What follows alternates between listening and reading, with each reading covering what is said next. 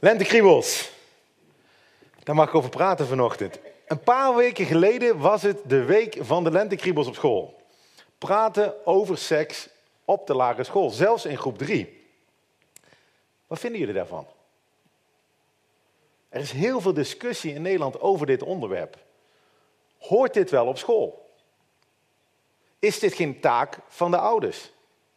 Neemt de overheid niet steeds meer opvoeding over van ouders? In het filmpje hebben we gezien dat Ursula, de moeder van Isa, heel duidelijk is. Die zegt, dit is geen taak van school. Ik bepaal zelf wel hoe en wat ik mijn kinderen vertel. Welke woorden ik ervoor gebruik. En ze stelt een goede vraag, denk ik. Ze stelt de vraag, welke gevolgen heeft dit voor een jong kind in groep 3, als het al zo vroeg komt met seksualiteit? Nota bene dan via school. Karel, de vader van Malediven, niet Malediven zoals Anton zei, en Ank, die zijn best duidelijk. Die zeggen, niet in paniek raken, seks hoort gewoon bij het leven. Laat die kinderen gewoon experimenteren. En Ank voegt nog op het laatst iets heel bijzonders toe. Het blijkt later allemaal een sprookje te zijn. Er gaat veel kapot op dit gebied.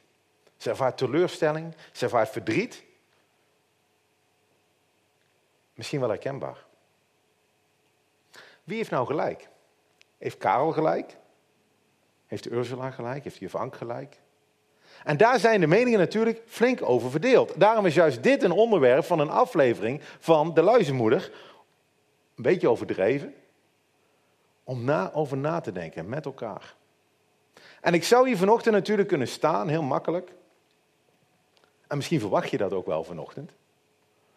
En dat ik jullie ga vertellen over al die onderzoeken die zijn geweest op dit gebied.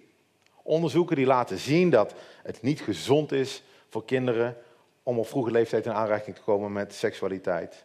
De Bijbel die dat onderschrijft. In de Bijbel staat, ontwaak de liefde niet, wek haar niet op, wakker haar niet aan voordat ze eraan toe is, voordat het haar behaagt.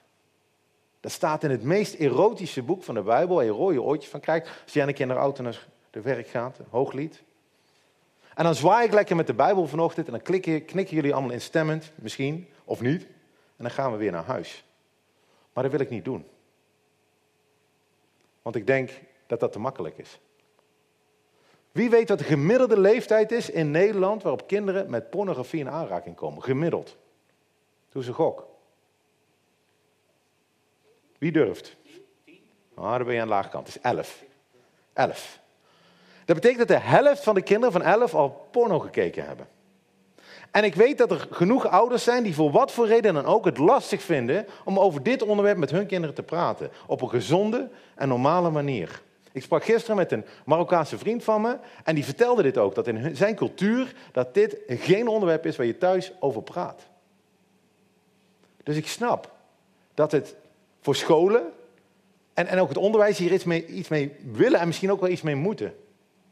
Ik heb zelf uh, een paar jaar geleden, op aanraden van mijn eigen dochter trouwens, op de basisschool aan de jongens les mogen geven over seksuele voorlichting, vorming, weet ik wat het heet, SEVO. Aan de jongens van groep 7 en 8, want er waren geen mannelijke leerkrachten die dat wilden. En dan kom je, dan word je heel erg geconfronteerd met wat sommige jongens helemaal niet weten op die leeftijd. Niks, lekker bleu, lekker groep 7, 8, geweldig. En andere jongens die schrikbarend veel woorden kennen die, niet, die thuis heb moeten opzoeken.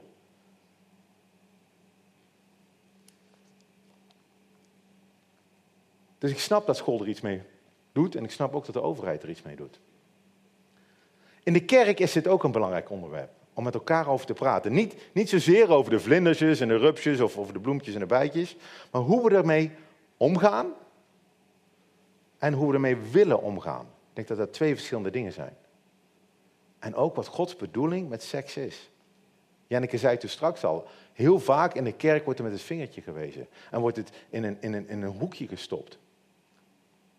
En mijn doel vanochtend is om seksualiteit in de breedste zin van het woord bespreekbaar te maken. Dus niet eens de inhoud, maar met elkaar over te hebben op een hele positieve en op een open manier. En daar wil ik drie punten afgaan. Ik had uh, moet ook eerlijk zijn, dit gaat langer duren dan normaal. Het is een leuk onderwerp. Ik kan hier uren over praten. Ik heb het proberen te beperken, maar het wordt iets langer. Maar ik heb drie punten, maar zoals altijd in een preek. Drie punten. Duidelijk. We moeten duidelijk zijn over seksualiteit. Ik denk dat we eerlijk moeten zijn. En mijn derde punt wordt open zijn. En dat is niet alleen in mijn toespraak hier vanochtend op het podium. Ik hoop dat ik altijd duidelijk ben. Ik hoop dat ik altijd open ben. En ik hoop ook dat ik altijd eerlijk ben. Maar dat we dat met elkaar ook kunnen zijn over dit onderwerp. Juist omdat er heel veel mensen zijn, zoals juf Ank, die hierdoor gekwetst zijn. Juist omdat er veel onduidelijkheid bestaat. Wat mag wel, wat mag niet, wat vindt God ervan? En ik denk dat gebrek aan duidelijkheid, openheid en eerlijkheid juist een gemis is voor heel veel mensen. En het leuke is, en dat wil ik toch even met jullie delen, als ik hier vanochtend over spreek, zitten mijn tienerkinderen in de zaal. Dan moet je je even voorstellen. En ik hoop dat je wat empathie kan opbrengen. Dat je hier als 12, 14 of 16-jarige in de zaal zit en je pa staat op het podium en die gaat over seks praten. En je weet ergens al in je achterhoofd, ik heb vijf kinderen, dat daar wel misschien wel vijf keer iets gebeurd is. Maar daar weet je toch helemaal niet over nadenken als kind? Ik ook niet, over mijn ouders overigens hoor. Daar, daar weet je toch niet over nadenken? Maar ik vind het ook wel mooi. Want open, eerlijk, praten over zo'n onderwerp, eh, net als andere onderwerpen, dat doe je ook als gezin. Dat doe je ook met elkaar. Dus, let's talk about sex. Wie heeft er zin in? Niet heel veel mensen, want de rest zat allemaal Songfestival te kijken. Die heeft uitgeslapen, maar ik ben blij dat jullie er wel zijn. Ik wil beginnen met het eerste punt, duidelijkheid. En duidelijkheid, dat gaat wringen hoor. Dat, eh, ik, hoop, ik hoop bij iedereen, niet bij één bepaalde groep. Het doel is dat bij iedereen gaat wringen zometeen. En die duidelijkheid zit niet in een lijstje van dingen die je wel en niet mag met seks. Daar is de kerk denk ik heel goed in geweest. Ehm, ik kom straks terug op dat lijstje trouwens. Maar de duidelijkheid zit hem in een andere vraag. Een heel andere vraag. Die eigenlijk niks met seks te maken heeft. Die vraag is, voor wie leef jij? Wie mag iets te zeggen hebben over hoe jij leeft, wat je doet, met wie je omgaat en op welke manier? Als het antwoord op die vraag, die kan ik niet voor jou beantwoorden. Hè? Maar als je hier vandaag zit en het antwoord is, ik wil voor God leven, dan zal je wellicht op andere antwoorden komen. Ik denk dat je op andere antwoorden komt, dan dat je dat niet wil. Of dat je zegt, ik wil voor mezelf leven en ik wil maximale plezier uit het leven halen. En je zag het al heel goed in het filmpje. Dat dat beeld en de manier waarop je dit benadert totaal anders kan zijn. Juf Ank die praat met Isa en Maledive over wat er gebeurd was tussen die twee.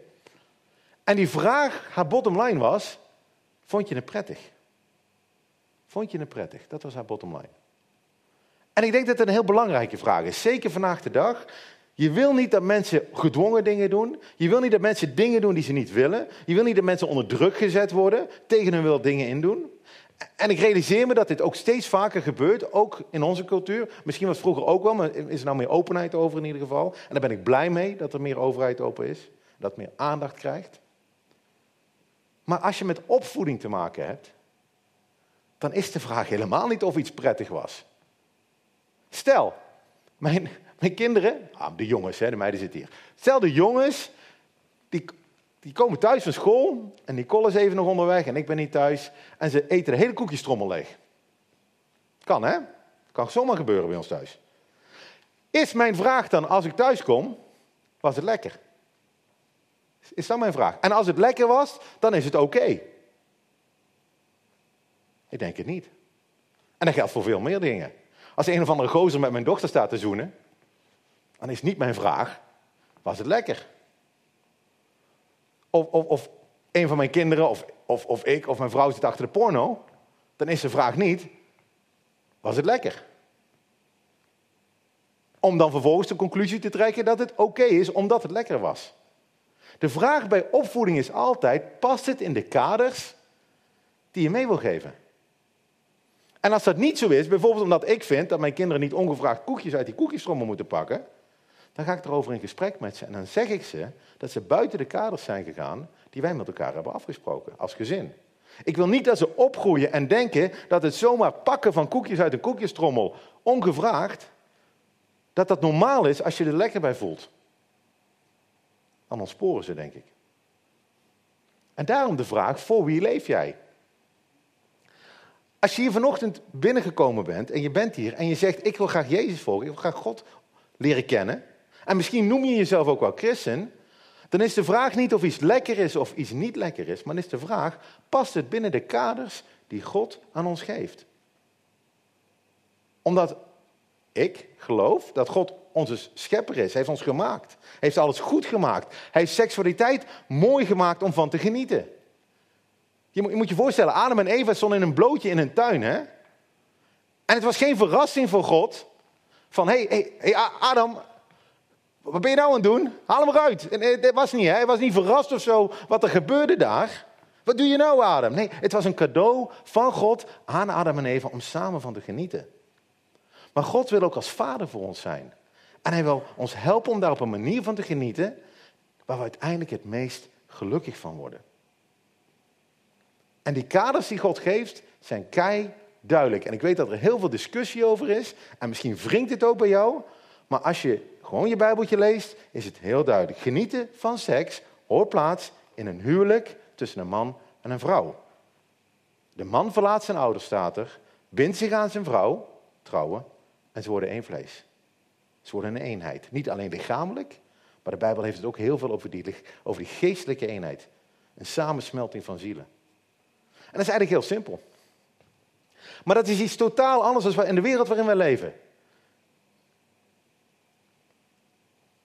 Als ik thuis zit, ik pak de Domino's Pizza app en ik doe swipe, swipe en ik haal een uh, grote pepperoni pizza en dan komt de meneer aan mijn deur en ik heb een pizza. En ik pak mijn Tinder app en ik doe swipe, swipe en dan komt er een dame en dan hebben we uh, iemand om vanavond uh, mee te genieten met z'n tweeën. Of, dat kan, kan allemaal, hè. En, en, juf, en als je die mensen die de juf vraag stelt, s ochtends, als ze in hun bed liggen met een beschuitje, was het lekker? Ik denk dat ze ja zullen zeggen. Ik denk trouwens dat de meesten niet aan een beschuitje toekomen, maar dat is een heel andere. Dus waarom zou God dan allemaal zo moeilijk doen? waarom heeft God zulke strenge kaders? Binnen een relatie waar je aan elkaar toegewijd bent. Goh, pizza is toch ook lekker zonder dat ik me helemaal toewijd aan een pizza? En het lastige is, als ik hier sta, ik ken de gedachten van God niet. Er staat nergens helemaal uitgelegd tot in detail waarom God dit vindt. Maar ik weet wel dat hij mij beter kent dan dat ik mezelf ken. En ik weet ook dat hij van me houdt. Dat hij me lief heeft als een vader.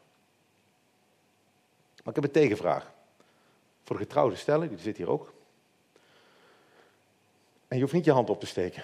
Vorige keer hebben we een paar minuten met elkaar zitten praten. Dat hoeft vandaag allemaal niet. Je mag lekker stil blijven staan. Zou je het oké vinden als je partner vandaag, swipe, swipe, iemand regelt voor de avond?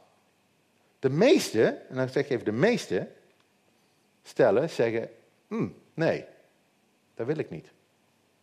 Want we hebben een keuze voor elkaar gemaakt. Zou je de volgende maand wel oké vinden, of volgend jaar? De meeste stellen, nog steeds niet. Ik niet, ik zou dat niet oké vinden. Waarom zou het dan wel oké zijn in het verleden? Zou het niet geweldig geweest zijn als jouw partner zich bewaard had voor jou? Een ongeopend cadeautje. En ik snap dat er allerlei billboards ophangen in Eindhoven waar je als stel kan inschrijven om voor allerlei gezellige avondjes te hebben. Maar helpt dat? Ik hoorde net uit psychologie gezien, hadden ze blijkbaar gezegd dat mensen hier gelukkig van worden. Ik ben benieuwd hoe ze dat meten en ik ben benieuwd op wat voor tijdspan ze dat meten. Dus ik kan me voorstellen dat je daar een avondje gelukkig van wordt. Ik vraag me af, als je later met je kleinkinderen zit, of je dan daar nog steeds zo gelukkig mee bent.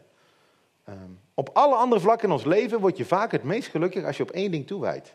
Als je de beste pianospeler wil worden in de wereld, dan moet je niet accordeon gaan spelen. Dan moet je piano gaan spelen. Als je de beste renner wil worden, moet je niet ook nog gaan voetballen en basketballen en honkballen. Moet je niet al je opties open houden. Dan ga je je richten op dat ene.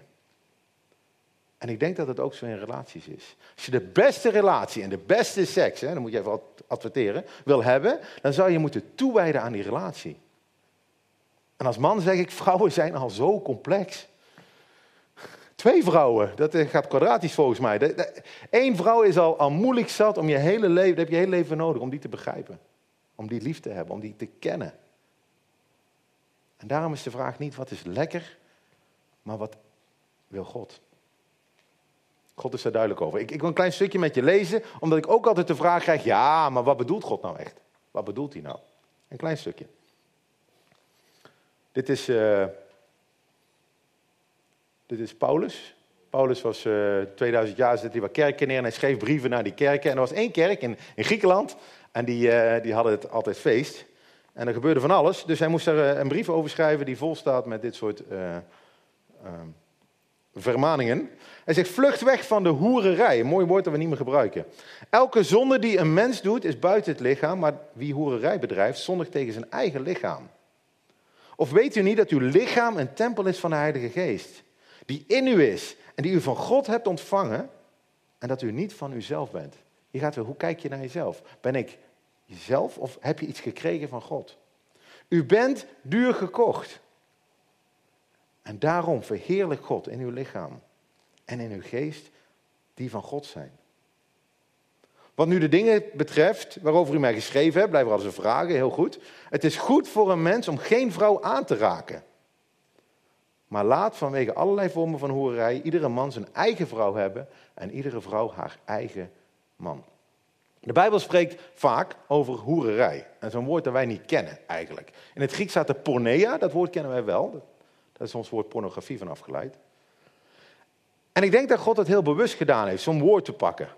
Want hij had natuurlijk een lijstje kunnen maken met dit mag wel en dat mag niet. Maar hij wist dat wij creatief genoeg waren om weer iets nieuws te verzinnen wat niet op het lijstje stond. En daarom heeft hij een rommelaatje bedacht. Een rommelaatje. En een rommelaatje zit van alles.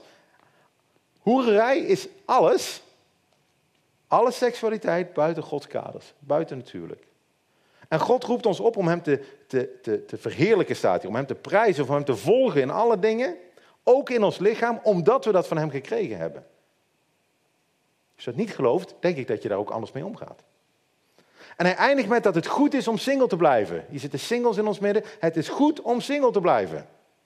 Een bemoediging. Maar het is niet makkelijk. Het is niet makkelijk. Dus zegt hij, laat vanwege de drang die je in, je hebt, een goede drang naar seksualiteit, iedere man zijn eigen vrouw hebben en iedere vrouw haar eigen man. En ik denk, dit punt 1, hè, duidelijkheid, ik denk dat dit het gemakkelijkste is. God is duidelijk. En al hebben we heel veel vragen erover, over het waarom en waarom het niet anders is en of het niet anders kan. Maar zijn vraag is aan jou, maar ook aan mij, Vertrouw je mij hierin? Vertrouw je mij hierin en wil je mij volgen? Ook op dit vlak en ook als je het niet helemaal snapt. En ik ken je antwoord niet. Maar als jouw antwoord ja is op die vraag, ja, ik wil u volgen, alleen ik snap het niet en ik vind het moeilijk, dan gaan we naar het volgende punt, eerlijkheid. Laat ons, laat ons eerlijk zijn vanochtend. Want we kunnen heel vroom zeggen dat we God willen volgen, en we kunnen allemaal ja en amen knikken als we zo'n tekst voorbij zien komen. Maar als we eerlijk naar ons eigen leven kijken, hoe ziet dat er dan uit? Jezus maakt het punt van God nog veel scherper. Hij zegt, als je naar een andere vrouw hebt gekeken, een andere vrouw dan je eigen vrouw, met lust in je ogen, dan heb je overspel gepleegd. En voor de dames, ik denk dat dit ook geldt als je naar een andere man met lust kijkt, maar dat heeft hij niet gezegd. Anders denkt de helft van de zaal zometeen dat ze hier goed mee wegkomen. Wie van ons hier kan dan zeggen, ik heb nog nooit overspel gepleegd, als dit de lat is? Getrouwd of niet getrouwd, single, niet single, worstelend met seksualiteit of niet, samenwoner, tiener. Iedereen raakt dit. Ik heb nog nooit een man ontmoet die niet geprikkeld wordt door wat hij ziet. Mooie vrouwen, blote vrouwen, bijna blote vrouwen, dat doet iets met een man. Daarom snap ik niet dat dat soort billboards met mooie vrouwen nog toegestaan is langs de snelweg. Daar, komen ongelukken van. Mannen kunnen maar één ding en dan zien ze zo'n vrouw en hoe kan je dan nog rijden? Dat kan helemaal niet. Levensgevaarlijk die dingen, moeten we verbieden. En ik heb het geluk gehad dat toen ik een tiener was, dat het nog redelijk makkelijk was om niet ongewild bepaalde dingen te zien. Ik zag natuurlijk, je had die Nederlandse films, hè, er was altijd uh, was er wel iets uh, bloots in. Ehm, ik, ik, heb een keer meegemaakt op school, lagere school, dat vriendjes van mij een, een, boekje hadden gevonden of gekregen, of ik weet niet hoe ze eraan kwamen. Die plaatjes staan trouwens nog steeds op mijn netvlies, hè? Dat, is, dat is 40 jaar, nou 30 jaar geleden. Ik had geluk dat mijn pa geen abonnement had op, op, op blote vrouwenblaadjes, dus mijn toegang was heel erg beperkt tot wat mijn ogen binnenkregen. En ik denk dat ik redelijk beschermd opgevoed ben ook. Als ik zelf een blaadje had gewild, dan moest ik naar de winkel. En dat durfde ik toch niet. Ik denk dat dat mijn geluk is. Als ik zie hoe anders het vandaag is. Als ik nu was opgegroeid. Twee keer klikken, misschien maar één keer, dat weet ik niet. Twee keer klikken en je zit tussen de blote vrouwen. Zelfs totaal ongevraagd. Ik zie soms reclames, ook bij mijn jongens, als ze achter de pc zitten, dat ik denk, oeh. En misschien komt het wel doordat ik voor de preek vandaag een beetje te veel gegoogeld heb. Ik heb de afgelopen week wel allemaal reclame op mijn, op mijn, op mijn, uh, op mijn, uh, op mijn laptop of ik uh, niet vreemd wil gaan. Nog mooiere staat er, nog hetere staat er lekker, hetere vrouwen. Ze kennen mijn vrouw niet eens, maar blijkbaar staan die allemaal op mij te wachten. Op mij. En het enige wat ik hoef te doen is te klikken. En ik denk dat er uiteindelijk wel een creditcard aan te pas komt. En waarom zou ik dat niet doen? Waarom zou ik dat niet doen? Word er gelukkig van, staat in Psychologie Magazine. Waarom zou ik dat niet doen? En dat is, vind ik nou heel grappig. Onze vrije samenleving zegt aan één kant, alles moet kunnen. Zolang iedereen maar volwassen is hè, uh, en zolang iedereen maar oké ermee is. Maar diezelfde samenleving zou mij afmaken als ik hierop in zou gaan. Zeker als voorganger van de brug. En waarom denk ik dat? Ik weet niet of jullie wel eens een e-mail gehad hebben. De laatste maanden gaan er e-mails rond. En die zegt, ik krijg die. Ik ben niet de enige die die krijgt. Er staat op, uh, ik heb je account gehackt. Ik ben hacker, uh, puntje, puntje. Geeft geen naam. Ik heb je account gehackt. En ik heb uh, toegang tot jouw computer met webcam. En ik heb plaatjes van jou dat jij naar porno aan het kijken bent. Dat zegt die hacker. En tenzij jij 1000 dollar overmaakt op een of ander uh, bitcoin-adresje ergens in de wereld, dan ga ik die foto's van jou en van de porno die je gekeken hebt, ga ik verspreiden. Nou, nou zou je denken, in de vrije samenleving waarin wij wonen, zou dat niet, toch niet moeten uitmaken. Wat maakt er nou uit? Als, als porno kijken oké is en dat, dat niemand er last van heeft, who cares dat het dan bekend wordt dat iemand porno heeft gekeken? Het is niet waar natuurlijk. Ik heb geen webcam. Die gast heeft mijn account helemaal niet en heeft zeker geen beelden van mij. Maar als je kijkt naar dat Bitcoin-adres, zijn er mensen, veel mensen in Nederland, die geld overmaken. Geld overmaken. Omdat ze toch een schuldgevoel hebben. Omdat ze denken dat ze gepakt zijn. En omdat ze schamen voor wat ze doen op het internet. Ze zijn hier niet eerlijk over geweest. En ze betalen in de hoop dat ze er dan vanaf komen. Hoe kan dat in een samenleving die roept dat alles moet kunnen? Een samenleving die meer geld uitgeeft aan porno dan aan sport. Het zou toch helemaal geen probleem moeten zijn? Daar hoef je toch geen duizend dollar voor te gaan betalen? Maar die mail is effectief. Mensen schamen zich, ze voelen zich betrapt, ze zitten vast. Steeds meer mensen, ook in Nederland, zijn verslaafd. Ze kijken uit naar een avondje of een weekend dat een partner weg is. Ze kijken uit naar het moment dat ze thuiskomen van hun werk, omdat ze eindelijk vrije toegang hebben tot het internet. Maar die vrijheid die beloofd wordt, is geen vrijheid. In de Bijbel staat dat de tegenstander van God er is om te stelen, te slachten en te vernietigen. En weet je, dat geldt niet alleen voor porno. Dat geldt ook voor relaties. Dat geldt ook voor friends with benefits. Dat geldt ook voor wat je gedaan hebt in je verleden of wat anderen hebben gedaan, jou hebben aangedaan. Soms heb je geheimen waarvan je niet wil dat iemand ze weet. En je verstopt ze in de duisternis. Omdat je je schaamt, omdat je bang bent dat mensen anders naar je zouden kijken. Maar het mooie is, God houdt van je. Wat je ook gedaan hebt. Wat je ook aangedaan is. Lees eens hoe Jezus omgaat met, met hoeren. Lees hoe Jezus omgaat met overspelige mensen. Hij heeft zoveel liefde voor ze. Juist als hun grootste geheim in het licht komt. Gaan we ook zo met elkaar om? Wij als brug.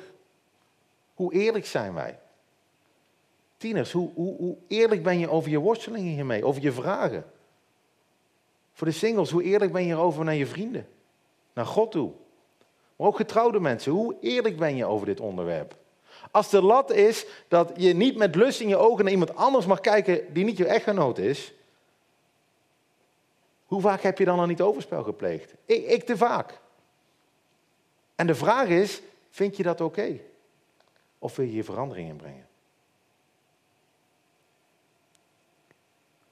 Ik denk dat dit keihard nodig is. Voor mannen, ook voor vrouwen. Vrouwen zijn vaak te naïef hè, over hoe mannen in elkaar zitten en, en hoe gevoelig mannen zijn voor beelden. Maar mannen zijn vaak naïef over hoe vrouwen het ervaren dat jij naar andere vrouwen kijkt. Vrouwen kunnen niet concurreren met die beelden op internet. Jij trouwens ook niet. En wil je haar of je toekomstige vrouw hier pijn mee doen? Wil je gedachten vullen met allerlei beelden van anderen? Of wil je hier eerlijk over zijn naar elkaar toe?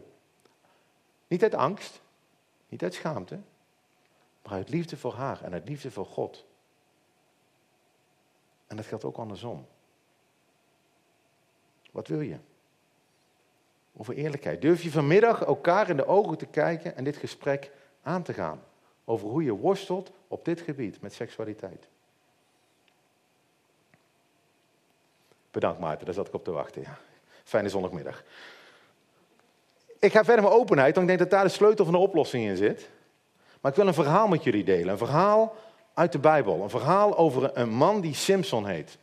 En Simpson was als jonge baby al helemaal toegewijd aan God door zijn moeder. En hij had daardoor bijzondere krachten gekregen. Hij was sterk. Enorm sterk. Een soort hulk of zo. Weet ik hoe. Ik, weet niet hoe. Ik denk het. Dit was een man van God, hè? En die, en, die, en die had gaven van God. En kijk eens wat er gebeurde in zijn leven, want hij had, had een zwakte. Simpson ging naar Gaza, hè, we weten waar dat ligt, dicht bij het Songfestival van gisteren, en zag daar een vrouw die een hoer was. En hij ging bij haar naar binnen, niet om koffie te drinken. En de inwoners van Gaza was, werd gezegd: hey, Simpson is hier gekomen. Hij was de vijand. En ze omsingelden hem en ze loerden heel de nacht op hem in de stadspoort. Ze, ze deden de stadspoort dicht en dan denk je, heb, heb eens die vijand van ons. En ze hielden de hele nacht stil, want ze zeiden, tot aan het morgenlicht, dan zullen we hem doden. Maar Simpson bleef niet voor een beschuitje. Hij bleef maar tot middernacht. En toen, te middernacht stond hij op, hij greep de deur van de stadspoort. Met beide posten trok hij, trok hij die los. Je moet, je voorstellen, het zijn enorme deuren, enorm zwaar. Met grendel en al trok hij ze eruit, helemaal het groen. En hij legde ze op zijn schouders en hij droeg ze omhoog naar de top van de berg. Hè? Dus niet alleen gooide hij de deur open, hij nam ze ook nog mee. Simpson was sterk, oersterk. En hij, en, en hij had een zwak voor vrouwen. En hij ging naar die vrouw toe in de plaats waar ze vijanden waren. En ze probeerden hem te pakken. Want ze zeiden, haha, die zwakte voor vrouwen, die kunnen wij eens mooi gebruiken. En hij gaat naar binnen. Ze doen de deuren dicht en ze hopen dat ze hem hebben, maar ze hebben hem niet. Want God blijft bij Simpson. God blijft van hem houden. Gods kracht blijft in hem. Weet je, soms denken we dat als wij iets doen dat tegen de wil van God is, zeker, het ligt ook in je opvoeding, hoe je opgevoed bent, maar denk je vaak van, God is niet meer bij me.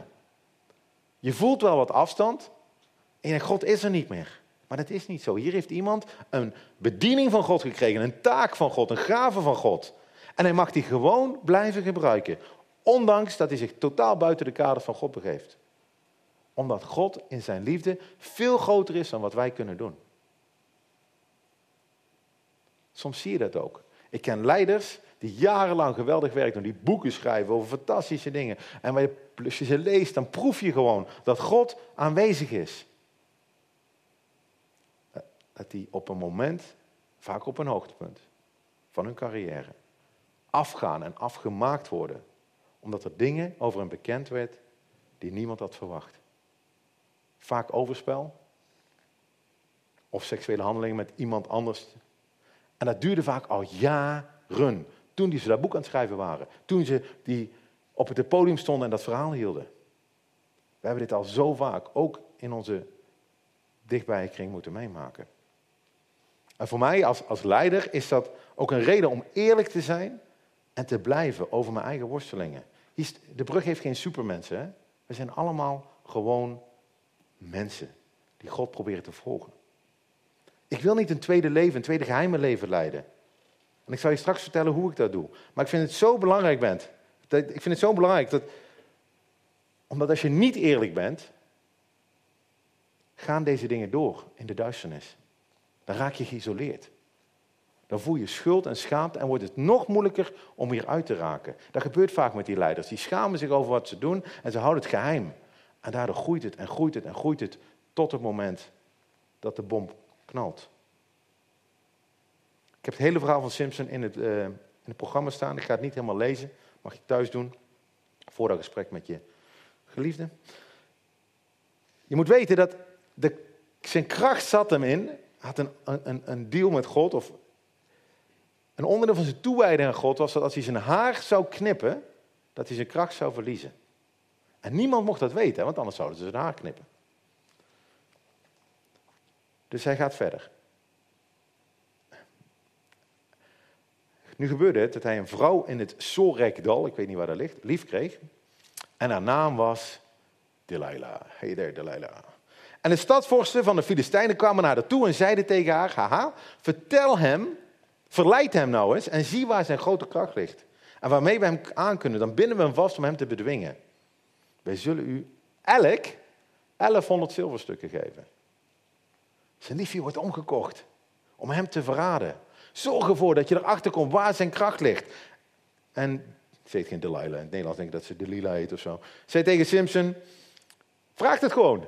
Ze vraagt gewoon, vertel me toch waar je grote kracht ligt. En waarmee je vastgebonden zou kunnen worden. Om je te bedwingen. Dat is een bijzondere vraag. Van je op je first date, hè. Swipe, swipe, je hebt een date vanavond. En uh, ja, hoe kan ik jou afmaken? Ja, oké. Interessant.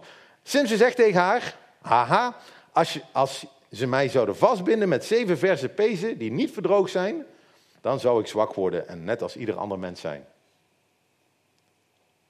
Hij stelt niet de obvious vraag, hoezo wil je dat weten? Wat een rare vraag stel je mij hoe je me af kan maken.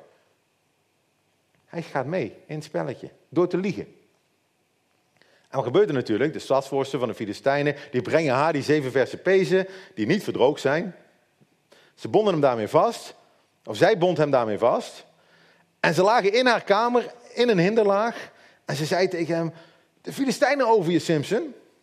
Maar hij brak de pezen. Zoals een vlasdraad gebroken wordt als hij vuur ruikt. En zo werd het geheim van zijn kracht niet bekend. Ze vertelt het, ze kopen de pezen, ze, bindt hem vast, hè? Moet je je voorstellen. Hij geniet daar blijkbaar van, van die aandacht. Hij geniet van het spel. Het is zo spannend allemaal. En hij moet lachen natuurlijk, want had gelogen. En die rare gasten, die, die verstoppen zich in de kamer. En als ze dan roept, dan springt hij op en hij rukt zich los. En dan gaat ze naar hem toe. En ze zegt, je hebt me bedrogen. Eh, oké. En je hebt leugens tegen mij gesproken, dat klopt. Vertel me nu toch waarmee je vastgebonden zou kunnen worden. Eigenlijk is het heel grappig. Je zou verwachten dat Simpson nu toch inziet dat zij totaal niet te vertrouwen is. Dat ze erop uit is om hem te vernietigen maar hij blijft het spelletje meespelen. Ik krijg vaak de vraag van jongeren: hoe ver is te ver? Wat mag wel, wat mag niet? Als ik een relatie heb, waar ligt de grens? Als ik verloofd ben, waar ligt dan de grens? Wat mag in een huwelijk? Mag ik naar Ashley Madison en nog eentje erbij? Mag dat? Nou, die vraag krijg ik niet zo vaak. Maar dat is ook weer de verkeerde vraag. Bovendien is het een vraag die ik niet voor jou kan beantwoorden. Maar ik kan je wel vertellen, als je het spelletje van Simpson speelt, als je met vuur speelt, zegt de Bijbel.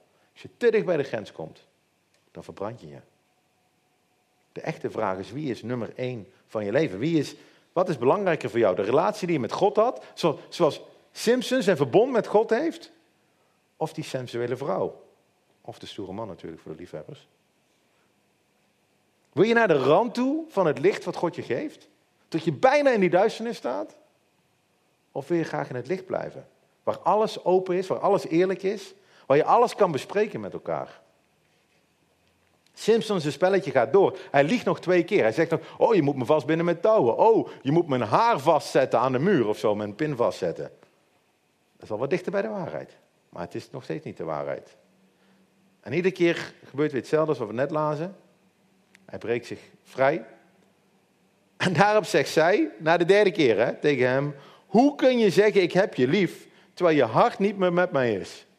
Ja, de tegenvraag is, hoe kan je zeggen dat je, jij mij lief hebt als je me iedere keer probeert te vermoorden? Maar oké. Je hebt me nu drie keer bedrogen en mij niet verteld waarin je grote kracht ligt.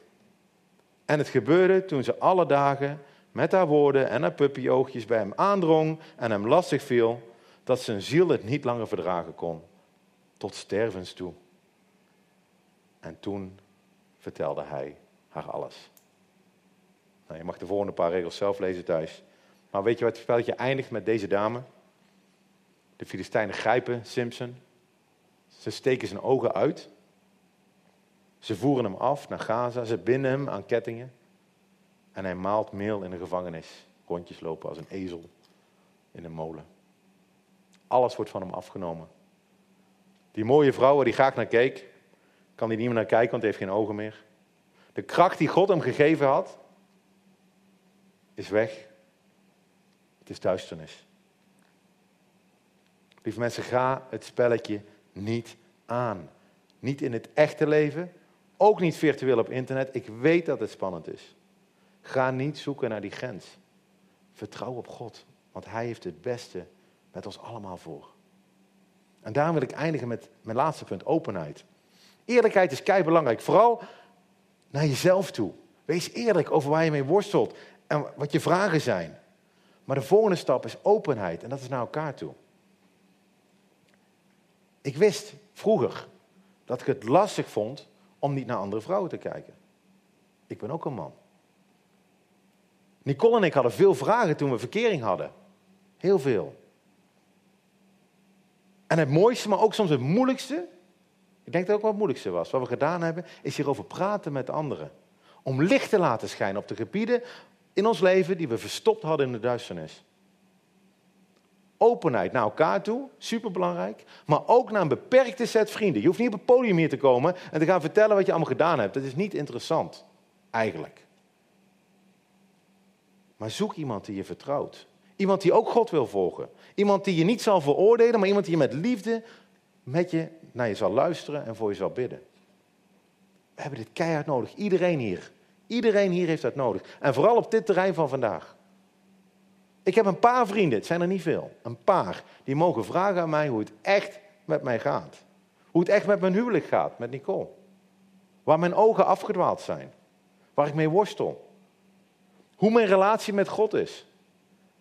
Vrienden die me kennen. Vrienden die me niet gaan straffen. Oh Maarten, maar dat mag niet. Nee, die me met liefde omarmen. En voor me bidden als dat nodig is. Vrienden die ik 24 uur per dag, 7 dagen per week kan bellen. Wie zijn die vrienden voor jou? Met wie kan jij open zijn? Ik heb dat zo ervaard als een bevrijding toen, dat ik wilde dat meer mensen dat deden. We zijn uh, tien jaar of zo geleden begonnen met kampvuuravond. Een aantal van jullie is daar misschien één of twee keer bij geweest, of misschien wel vaker. Met mannen rondom het kampvuur. Allemaal naar het vuur kijken. Dat je niet naar elkaar hoeft te kijken, maar wel met vragen. En waar ik achter kwam is dat veel mannen worstelen. En ik denk ook veel vrouwen hoor. Mannen die worstelen om hoe ze met een gezonde manier met andere vrouwen kunnen omgaan. Mannen die worstelen met pornografie. Worstelen met seksualiteit in hun relatie. Op hoe ze dat op een positieve manier kunnen doen. Of op een mooie manier kunnen vormgeven. En de meeste van die mannen dachten dat ze er alleen in stonden. Dat het een worsteling was die ze in de duisternis, in een eentje, de rest van hun leven met zich mee moesten dragen. Iets dat bij het leven hoorde. Maar dat is niet zo. Het is mogelijk om vrij te zijn. Door de kracht van God en de relatie met Jezus. Door open te zijn naar je vrienden, naar je vrouw, naar je vriendin. En hoe moeilijk je het ook vindt, ik wil je echt bemoedigen vanochtend, geef die strijd niet op. En ik denk dat het heel belangrijk is vanochtend om het te noemen. Hè? Hoe je nou ook worstelt en hoe je nou ook schaamt misschien, het is mogelijk om er vanaf te komen. Als je wil. En de manier is door licht te laten schijnen in die duisternis. Want als licht schijnt, verdwijnt de duisternis. Dit geldt ook voor vrouwen. Hè? Ik weet, mannen kijken vaker naar porno, blijkt uit alle onderzoeken. Maar wist je dat vrouwen veel vaker vreemd gaan? Wist je dat? Ook zij hebben het nodig om hier eerlijk en open over te praten met hun vriendinnen. Sommige dingen kan je misschien niet delen met je partner of nog niet delen. Begin dan met een vriendin die ook God wil volgen en die voor je wil bidden en bij je wil zijn. En licht laten schijnen vereist soms radicaliteit. Ik vertel dat hier vaker. Ik ga niet in een auto zitten met een vrouw naar Duitsland. Doe ik niet één op één die niet naast Nicole is of mijn dochters niet zijn. Ik ga ook niet wandelen met een vrouwelijke collega tijdens mijn lunchpauze. En dan zeggen mensen vinden dat zo extreem. Dat vinden ze totaal belachelijk. Waarom doe je dat nou niet? Um, tot ik afgelopen week weer eergisteren hoorde dat een vriend in een scheiding ligt. Zijn vrouw wil van hem af vanwege een wandeling. Iedere dag die steeds langer werd met een collega. Ik hoor het weer. Weer een scheiding, weer twee kindjes. En dan klinkt het extreem en dan zeg ik, dank je wel. Dank u wel, God. Een andere vriend van me, super radicaal, die heeft op een gegeven moment besloten, als mijn vrouw weggaat, gaat het internet uit. Zet zij het uit met een code die hij niet kent. Soms, en dan kan je denken, dat is belachelijk, dan kan hij niet meer whatsappen. Ja, dat klopt. Dan gaat hij maar voetballen, weet ik wat hij dan gaat doen, tv kijken. Radicaal, hè? Maar het, is wel, het laat wel zien wat echt belangrijk is in je leven. En de vraag blijft, en ik blijf hem herhalen vanochtend. Wat wil je? Wie wil je volgen? Wat heb je ervoor over? En wees open naar elkaar. En, nog een hele goede tip, zorg dat je je niet verveelt. Word voorganger van de brug, heb vijf kinderen en je hebt nooit meer tijd voor jezelf. Je hebt nooit meer tijd voor een hobby. En je hebt ook nooit tijd voor een minnares of voor porno. Dat is heel, echt heel makkelijk. Geweldige oplossing. Kan ik je aanraden. Maar wees eerlijk en open naar elkaar en naar God. Want het mooie is, er is altijd vergeving bij God. God kan alles herstellen. Dan moet je niet al op vooruit lopen. Hè? Oh, ik ga vanavond dit doen, want God uh, vergeeft mij toch wel. Maar als er iets gebeurt, Jezus is gestorven aan een kruis voor alles wat je gedaan hebt, wat je doet en wat je gaat doen en ook wat je is aangedaan. Hij maakt je vrij. En zijn vraag aan ons allemaal is, wil je mij volgen? Want ik kom rust geven. Ik denk dat dit genoeg is om over na te denken vandaag.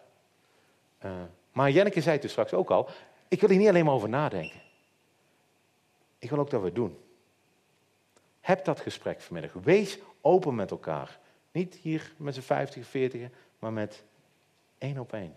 Ik sprak van een weekend met een, uh, een jonge vriend van me, die hier nog geen antwoord op heeft. Die is aan het zoeken. Hij weet niet of hij Jezus wil volgen. En dat kan. En dan worden dit soort vragen veel lastiger. Misschien verandert dat een aantal antwoorden die, die, die, die, die, die, op de vragen die ik vandaag gesteld heb. Maar ik heb hem wel bemoedigd en dat wil ik jullie ook doen. Kies ervoor om Jezus te volgen. Ook al vind je sommige dingen raar, ook al vind je het moeilijk, ook al snap je niet alles. En ik gaf hem het voorbeeld van de duikplank en terwijl ik hem het voorbeeld gaf, toen zei ik, hé, hey, dat ga ik zondag ook even doen. Ik wist vroeger niet zeker of ik van de hoge duikplank af durfde. Nou, ik wist zeker dat ik dat niet durfde. En dan ben ik uh, natuurkundige, hè? Dus uh, toen al, hè, was ik acht of zo. Dan ga je meten hoe hoog is die duikplank nou echt. En hoe ver is het nou van het water. En je ziet al die kinderen en die springen allemaal van de duikplank. En het water was echt wel diep genoeg. Um, maar er kwam een moment dat al die rationele en al dat onderzoek van mij tot een punt kwam. Ga je van die duikplank af? Durf je te springen? Durf je die sprong te maken? En ik zei tegen die vriend van me, bij de nachos en de cola en de bier. Durf jij die sprong te maken met Jezus? Je kan heel veel studeren, maar er komt een moment dat je mag kiezen om, voor Hem, om Hem te volgen. En een hele mooie manier om die keuze te laten zien, is om je te laten dopen op 30 juni. Maak die keuze, ook al snap je hem nog niet helemaal. Ook al heb je heel veel vragen. Maar er komt een moment dat je gewoon mag springen. Ik wil voor mezelf en voor ons allemaal bidden. Heer God, ik, het is een lastig onderwerp en ik kan er nog uren over allerlei dingen verder praten. ga ik niet doen. Misschien is het ook een heel lastig onderwerp voor sommige mensen die hier vandaag zijn. Ik, ik weet het niet. Ik weet niet hoe we hier allemaal gekomen zijn. Wat we hebben meegemaakt. Maar één ding weet ik wel, Heer. En het, u bent goed. U bent een liefdevolle vader. En heeft het goede met ons voor. Help ons, Heer, om te kiezen voor U. En dat heel praktisch te maken, Heer, door dingen die we doen, die we gedaan hebben, dingen die in ons hoofd rondspoken, om die in het licht te brengen bij U en bij elkaar. Dat we samen met U in het licht mogen wandelen. Heer, U bent licht. Er staat, U bent, dat er geen duisternis in U is. En er staat, als we zeggen dat we U willen volgen, Heer, maar als we in de duisternis wandelen, dan zijn we niet eerlijk en open. Maar als we in het licht wandelen met elkaar, Zoals u in het licht bent. Dan mogen we weten met elkaar dat het bloed van uw zoon Jezus ons reinigt van alles. Dat hebben we allemaal zo keihard nodig. Zeker op dit gebied. Dank u, Vader. Amen.